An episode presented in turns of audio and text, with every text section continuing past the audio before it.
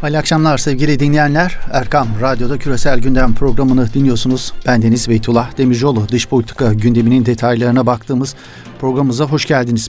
Uluslararası medyaya yansıyanlar eşliğinde bir hafta boyunca küresel gündemde ön plana çıkan gelişmelerin arkasına ışık tutmaya çalıştığımız programımızda bu hafta yine Filistin'i konuşacağız. Ateşkes sonrası Gazze ve Filistin'i neler bekliyor sorusu Orta Doğu'nun en önemli sorusu olarak ön planda bulunuyor. İşgal devleti ile Filistinli direniş örgütleri arasında sağlanan ateşkesin ömrü ne olacak? 11 gün süren çatışmadan kim galip çıktı? Söylendiği gibi direniş örgütleri işgal altındaki dengeleri değiştirdi mi? İşgal devleti yıllardır ustaca yönettiği algı operasyonlarında artık yeterli etkiyi ortaya koyamıyor mu? Bu konu etrafında İsrail ve Arap medyasında neler yazılıp çizildiğine bakacağız ve uluslararası analizlerden derlediklerimizi sizlerle paylaşacağız. Her ne şart ve ahvalde olursa olsun İsrail'in yanında duran Amerikan yönetiminin bu duruşunda bir değişim söz konusu mu? İsrail'e yönelik kayırmacı yaklaşımından dolayı kendi partilerinin eleştirilerinin hedefi olan Biden'ın Filistin-İsrail politikasında bir eksen kayması yaşanabilir mi? Yine bu minvalde sorulan sorular arasında. Orta Doğu'nun çıban başı ülkesi İsrail'e bağlantılı olarak daha birçok sorunun cevabı aranıyor. Bugünkü programımızda Filistin'i ve işgal devletini yakın plana alacağız. Tüm bu soruların cevaplarını bulmaya çalışacağız sevgili dinleyenler. Evet küresel gündem başlıyor.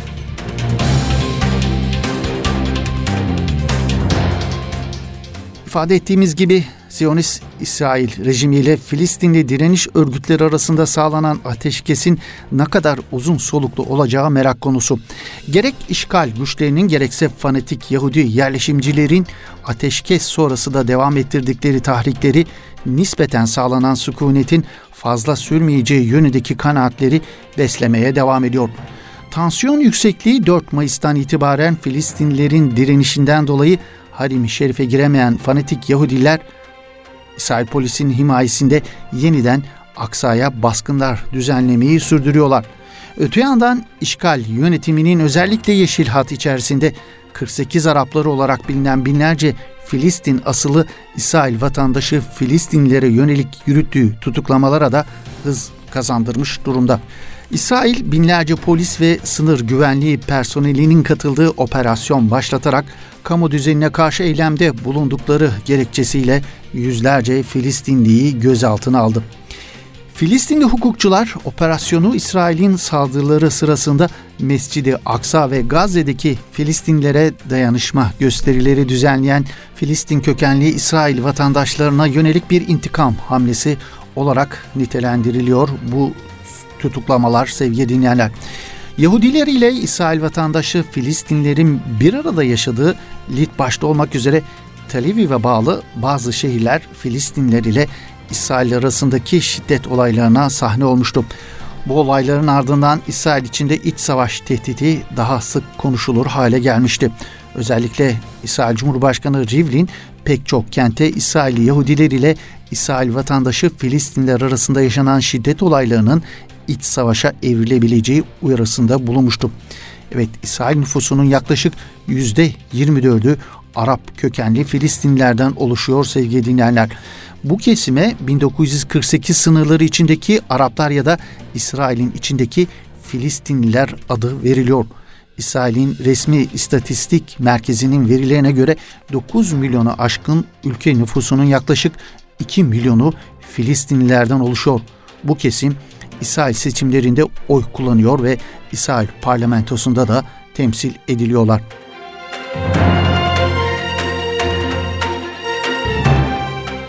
İşgal devletinin tahrikleri sebebiyle ateşkesin uzun soluklu olmayacağı beklentisi artarken Netanyahu yönetiminin ateşkes kararı almasına yönelik farklı iddialar da gelmeye devam ediyor. İngiliz Cambridge Üniversitesi Siyaset Bilimi Profesörü Doktor Abdullah Fahat El Nefisi Türkiye ve Pakistan'ın Filistin'deki direnişe destek verme girişimi nedeniyle Benjamin Netanyahu'nun ateşkesi aceleyle kabul ettiğini ileri sürenler arasında.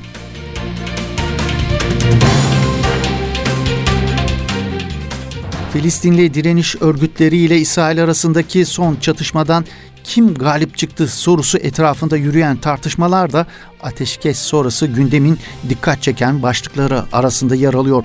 Bu konu etrafında uluslararası medyaya yansıyan değerlendirmelere bakmak istiyoruz sevgili dinleyenler.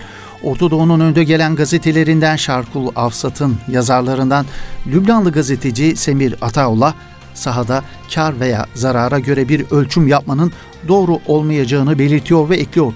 Bir yanda Hamas, İsrail içine 4000 roket göndermeyi başardı. Diğer yandan İsrail hava mekanizması Gazze şeridi ve halkında muazzam bir yıkıma yol açtı. Ancak siyasi düzeyde medya ve uluslararası sempati savaşını Hamas kazandığı yorumunda bulunuyor. Netanyahu artık Araplar arasındaki bölünmeye bel bağlayamaz yorumunda bulunan Lübnanlı gazeteci Semir Ataullah, Gazze Filistinleri yeniden birleştirdi değerlendirmesinde bulunuyor.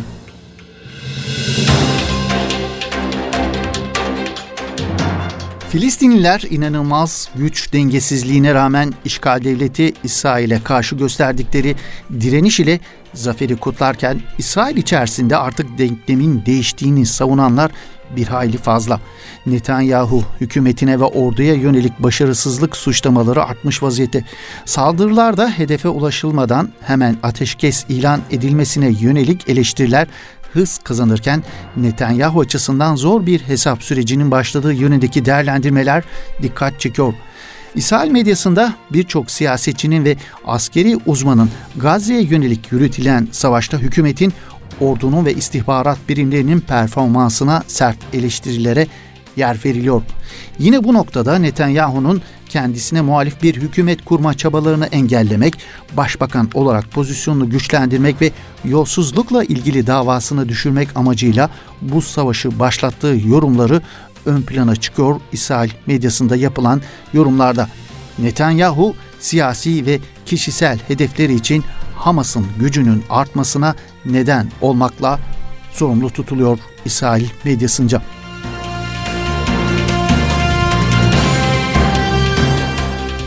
Ateşkes sonrası kimin karlı kimin zararlı çıktığı bağlamında yapılan değerlendirmeler arasında ABD Dışişleri Bakanlığı'ndan yapılan açıklamalar da oldukça dikkat çekiciydi sevgili dinleyenler.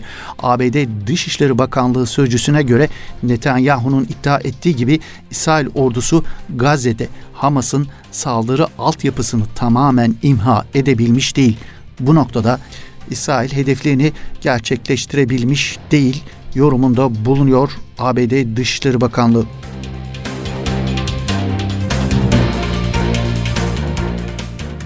Ateşkes sonrası uluslararası medyanın gündeminde yer alan konulardan biri de Biden yönetiminin Filistin-İsrail sorununa ilişkin yaklaşımında bir değişiklik olup olmayacağına dair yapılan değerlendirmelerdi sevgili dinleyenler. Orta Doğu medyasının önemli yayın organlarından İlaf gazetesi yazarlarından siyasi analist, tarihçi, araştırmacı İyad Ebu Şakra hem son çatışmadan kimin karlı kimin zararlı çıktığına ilişkin bir değerlendirmede bulunuyor hem de Amerikan kamuoyunda İsrail'e bakıştaki değişime dikkat çekiyor. Diyor ki İyad Ebu Şakra, açıkçası Filistin'in zaferi Hamas füzelerinin gücünden ziyade Batı'da özellikle Amerika Birleşik Devletleri'nde hatta Yahudiler arasında İsrail'e sempatinin gözle görünür düşüşünden kaynaklanıyor değerlendirmesinde bulunuyor İyad Ebu Şakra. Bu noktada bir parantez açalım. İyad Ebu Şakra'nın Hamas'ın füzelerinin gücünü küçümsemesi önemli ölçüde gazete ve yazarın Hamas'a bakış açısıyla ilintili bir durumdan kaynaklanıyor bu değerlendirme sevgili dinleyenler.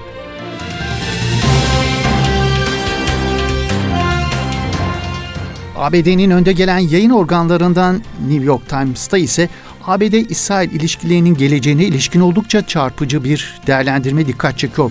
Gazetede yer alan yoruma göre İsrail'in ABD'ye yönelik yarım yüzyıldır süren bağımlılığından yavaş yavaş kopma aşamasına geldiği iddia ediliyor. İsrail'in Filistin politikaları nedeniyle etrafındaki düşmanlarına karşı 50 yıldır ABD'nin siyasi ve askeri desteğine ihtiyaç duyduğu belirtilen haber analizde ancak bu bağımlılığın artık sona ermeye başladığı savunuluyor. Yorumda İsrail hala Amerikan yardımından büyük ölçüde yararlanırken Güvenlik uzmanları ve siyasi analistler ülkenin sessizce ABD'den etkili bir özellik geliştirdiğini ve hatta bunu elde etmiş olabileceğini söylüyorlar ifadesine yer veriliyor. İsrail'in artık kendi askeri teknolojisini ürettiği, diplomatik olarak kendi kendine yetecek şekilde Washington'dan bağımsız olarak yeni ittifak arayışlarına gittiği savunulan haberde İsrailler kültürel olarak bile Amerikan onayına daha az duyarlı ve Washington ile iyi geçinmeleri için liderlerine daha az baskı uygular hale geldi değerlendirmesi yapılıyor. Haberde şunlar da kaydediliyor sevgili dinleyenler. İsrail'in artık kendisini çoğunlukla barış yaptığı komşu ülkelerden korumak için Amerikan güvenlik garantilerine ihtiyacı yok kendisini İsraillerin büyük ölçüde katlanabilir bulduğu ve olduğu gibi sürdürmeyi desteklediği Filistin çatışmasında Amerikan ara buluculuğuna ihtiyacı olduğunu da görmüyor. İsrail'e yapılan ABD yardımlarının 1981'de ülke ekonomisinin %10'una denk gelirken 2020'deki 4 milyar dolarlık yardım ile bu oranın %1'e gerilediğine işaret edilen haberde İsrail'in ABD'den bağımsızlaşmaya başladığına da son Gazze saldırısı örnek gösteriliyor gazetenin iddiasına göre sevgili dinleyenler.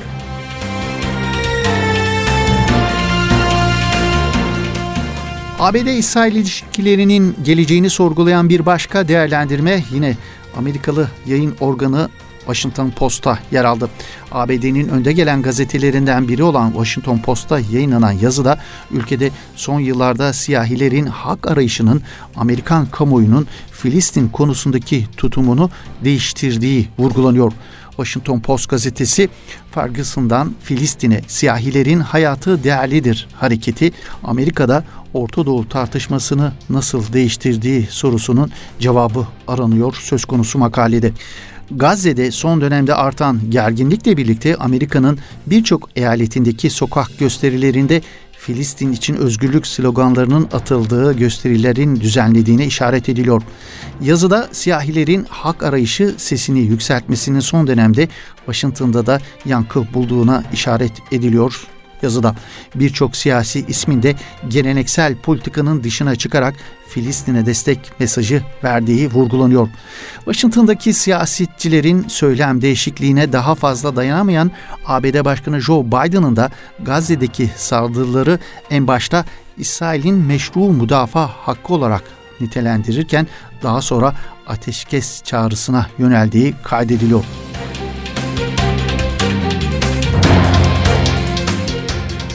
Uluslararası medyada Biden yönetiminin İsrail'e yönelik bakış açısındaki değişimi sorgulayan bir başka makale BBC'de yer aldı. BBC'nin Kuzey Amerika muhabiri Anthony Zorker'ın değerlendirmesinde Filistinler ile İsrail arasındaki son gerilimin Amerika'da Demokrat Parti'nin bu konuda politik ekseninde son yıllarda yaşanan kaymanın boyutlarını da açıkça gözler önüne serdiği ileri sürüyor.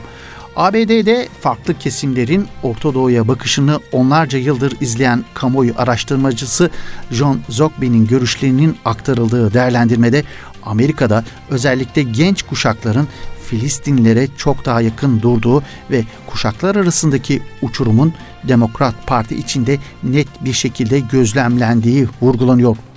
Yazıda Demokrat Parti içinde eksen kaymasının nedeni olarak ABD Kongresi'nin giderek daha geniş görüşlerin temsil edildiği bir yer haline gelmesi gösteriliyor. Bunun da İsrail siyaseti üzerinde ciddi etkileri olduğu vurgulanıyor. 2021 yılı itibariyle Senato ve Temsilciler Meclisi üyelerinin %23'ü siyahlar, Latin Amerika, Asya Pasifik adaları kökenliler ya da yerli Amerikalılardan oluştuğu bilgisinin paylaşıldığı analizde bundan yalnızca 20 yıl önce bu oranın %11, 1945'te ise %1 olduğuna dikkat çekiliyor. Etnik ve kültürel çeşitliliğin görüşlerde bir genişleme ve güç dağılmasına yol açtığı da vurgulanıyor BBC'nin analizinde.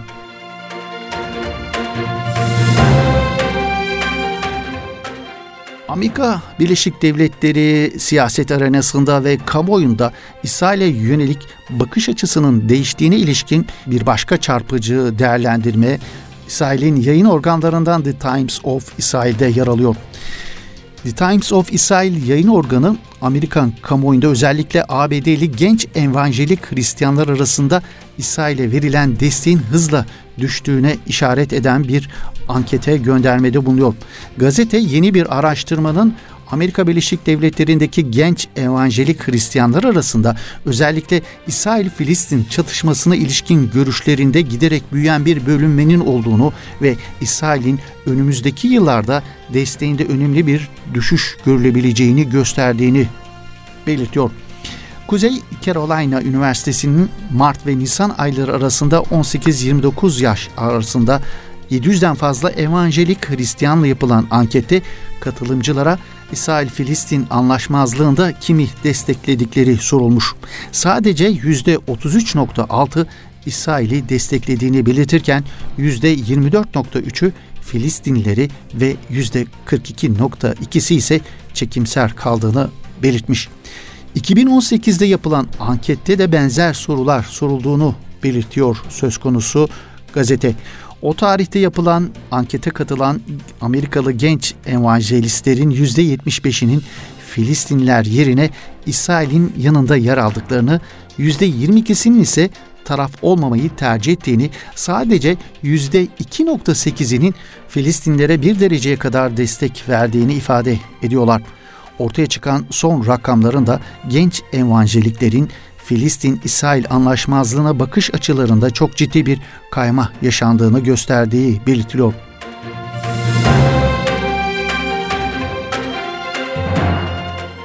The Times of Israel haber portalı Amerikalı genç evangelikler üzerinde yapılan söz konusu anketin başka çarpıcı sonuçlarına da yer veriyor. Ankete katılan genç evangeliklerin neredeyse %45'i şu anda İsrail ile birlikte bir Filistin devletinin kurulmasını destekliyor. %35.1'i bu konuda tarafsız olduklarını ve yalnızca %20.5'i Filistin devleti fikrine karşı çıkıyor. Dini inançları Amerikalı genç evangeliklerin Filistin-İsrail sorununa bakışlarını ne derece etkiliyor peki? Ankete katılanların yüzde 44'ünden fazlası dini inançlarının Filistin-İsrail çatışmasına ilişkin değerlendirmelerini etkilemediğini söylemiş. %38'den fazlası ise dini inançlarının İsrail'i daha olumlu görmelerine neden olduğunu, %17.4'ünün ise dini inançlarının kendilerini Filistinleri daha fazla desteklemeye yönlendirdiğini belirtmiş. Evet bu arada ABD dış politikasında oldukça etkili olan evangelizm inancı hakkında kısa bir bilgi de verelim sevgili dinleyenler. Evangelizm ABD'de de Hristiyanlar arasında en yaygın mezheplerden birisi. ABD nüfusunun yaklaşık yüzde 25'ine yani yaklaşık 80 milyonuna denk gelen evangelistler aynı zamanda Hristiyanların Siyonistleri olarak da görülüyor. Hristiyan Siyonistler olarak görülmesinin sebebi ise evangelistlerin en belirgin özelliğinin İsa Mesih'in ikinci gelişiyle ilgili inançlarından kaynaklanıyor. Onlara göre İsa Mesih ihtişamlı bir şekilde yeryüzüne döneceğini önceden bildirmiş ve Mesih'in dünyaya dönebilmesi için ise yerine getirilmesi gereken bazı şartlar var. O şartlardan biri de Yahudilerin Filistin'e geri dönmesi ve İsrail devletinin kurulması olarak görülüyor. 1948 yılında Filistin topraklarında kurulan İsrail'in İncil'in öğretileri doğrultusunda kurulmuş olduğuna inanılıyor evangelistler tarafından. Yine evangelistlere göre ABD Hristiyanlığı temsil eden bir ülke. Ayrıca teolojik açıdan her Hristiyan İsrail'i desteklemelidir görüşündeler. Eğer Hristiyanlığı temsil eden bu güç İsrail'i koruyamaz ise Tanrı nezdinde itibarını kaybedecek görüşünü savunuyorlar. Bu inançtalar evangelistler. ABD siyasetinde oldukça etkili olan evangelistlerin bu garip inancı Amerika'nın özellikle İsrail politikasında en belirleyici siyasi faktörlerden biri olarak ön plana çıkmış durumda. Yeniden Times of İsrail'de yer alan ankete dönecek olursak Amerikalı genç evanjeliklere Kudüs konusundaki görüşleri de sorulmuş. Amerikalı genç evanjeliklerin %28.4'ü Doğu Kudüs'ün gelecekte bir Filistin devletinin başkenti olması gerektiğini söylerken %71.6'sı şehrin bütünüyle sonsuza kadar İsrail'in başkenti olarak kalması gerektiğini söylemiş.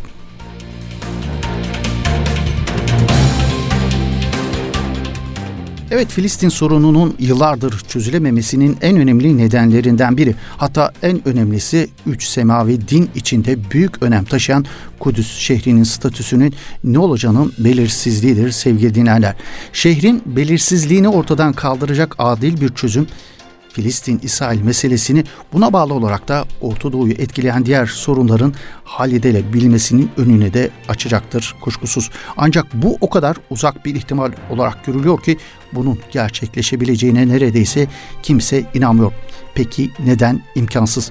Çünkü Müslümanların ilk kıblesi Resulullah sallallahu aleyhi ve sellemin İsra ve Miraç'a yükseldiği mescide ev sahipliği yapan Kudüs için İsrail yönetimi üç tane sonsuza kadar ilke belirlemiş durumda. Nedir bu ilkeler? Sonsuza kadar başkent, sonsuza kadar Yahudi egemenliğinde, sonsuza kadar da bölünemez. Hal böyle olunca Kudüs için adil bir formülün bulunabileceğinden bahsetmek ne derece gerçekçidir tahmin edersiniz. İsrail yönetimi Kudüs için belirlediği üç sonsuza kadar ilkesini tesis ve muhafaza etmek için şehrin tamamını ele geçirdiği günden beri Kudüs'ü her anlamıyla Yahudileştirme gayreti içerisinde. Arap mahallelerin ortalarına yeni Yahudi mahalleleri kurmakta, buranın Filistinli sakinlerini göçe zorlamakta. Bu gayretlerin en önemlisi şehrin kalbili olarak görülen Harem-i Şerif'e yönelik daha tehlikeli bir süreci adım adım da olsa sürdürüyor olması. Bugün arkeolojik kazı, Yahudi eserlerini ortaya çıkarma gibi kılıflarla Mescid-i Aksa etrafındaki harfiyat çalışmaları İsrail'in hayallerini süsleyen o mukaddes hedefi gerçekleştirebilme gayretinin bir parçası olarak görülüyor. Yani Süleyman Mabedi ya da diğer adıyla Siyon Mabedi'ni yeniden inşa etmek. Süleyman Mabedi Yahudi inancına göre yerini Tanrı'nın seçmiş olduğu ve onun istemesiyle Kral Süleyman tarafından yaptırılan Kudüs'teki mabet. Bu mabedin Yahudiler nezdindeki adı Bet Hamiktaş'tır yani kutsal ev.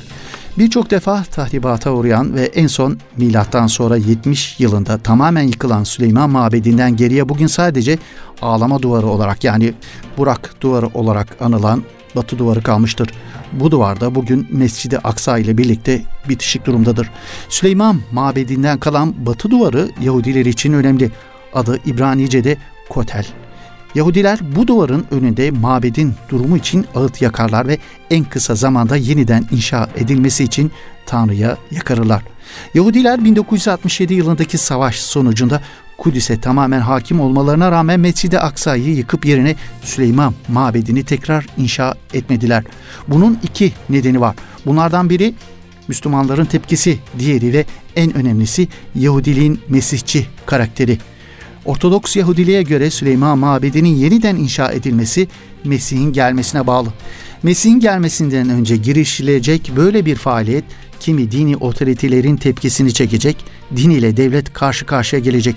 Bu nedenle tamamı olmasa da bazı dini çevreler şimdilik Süleyman Mabedi'ni yeniden inşa etme teşebbüsünde bulunmaktan kaçınıyorlar. Ancak pek çok din adımı yanında Siyonistlerin büyük ekseriyeti bu görüşü paylaşmamaktadır sevgili dinleyenler.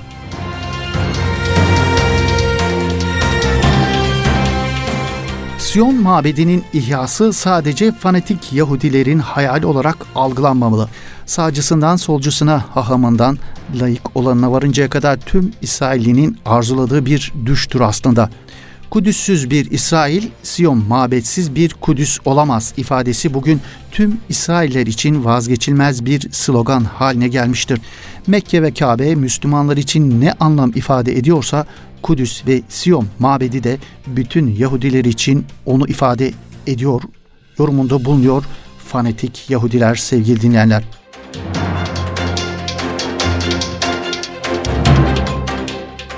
Evet sevgili dinleyenler bugün de Küresel Gündem programımızın böylelikle sonuna gelmiş bulunuyoruz. Yeni bir Küresel Gündem programında buluşmak ümidiyle hoşçakalın, esen kalın efendim.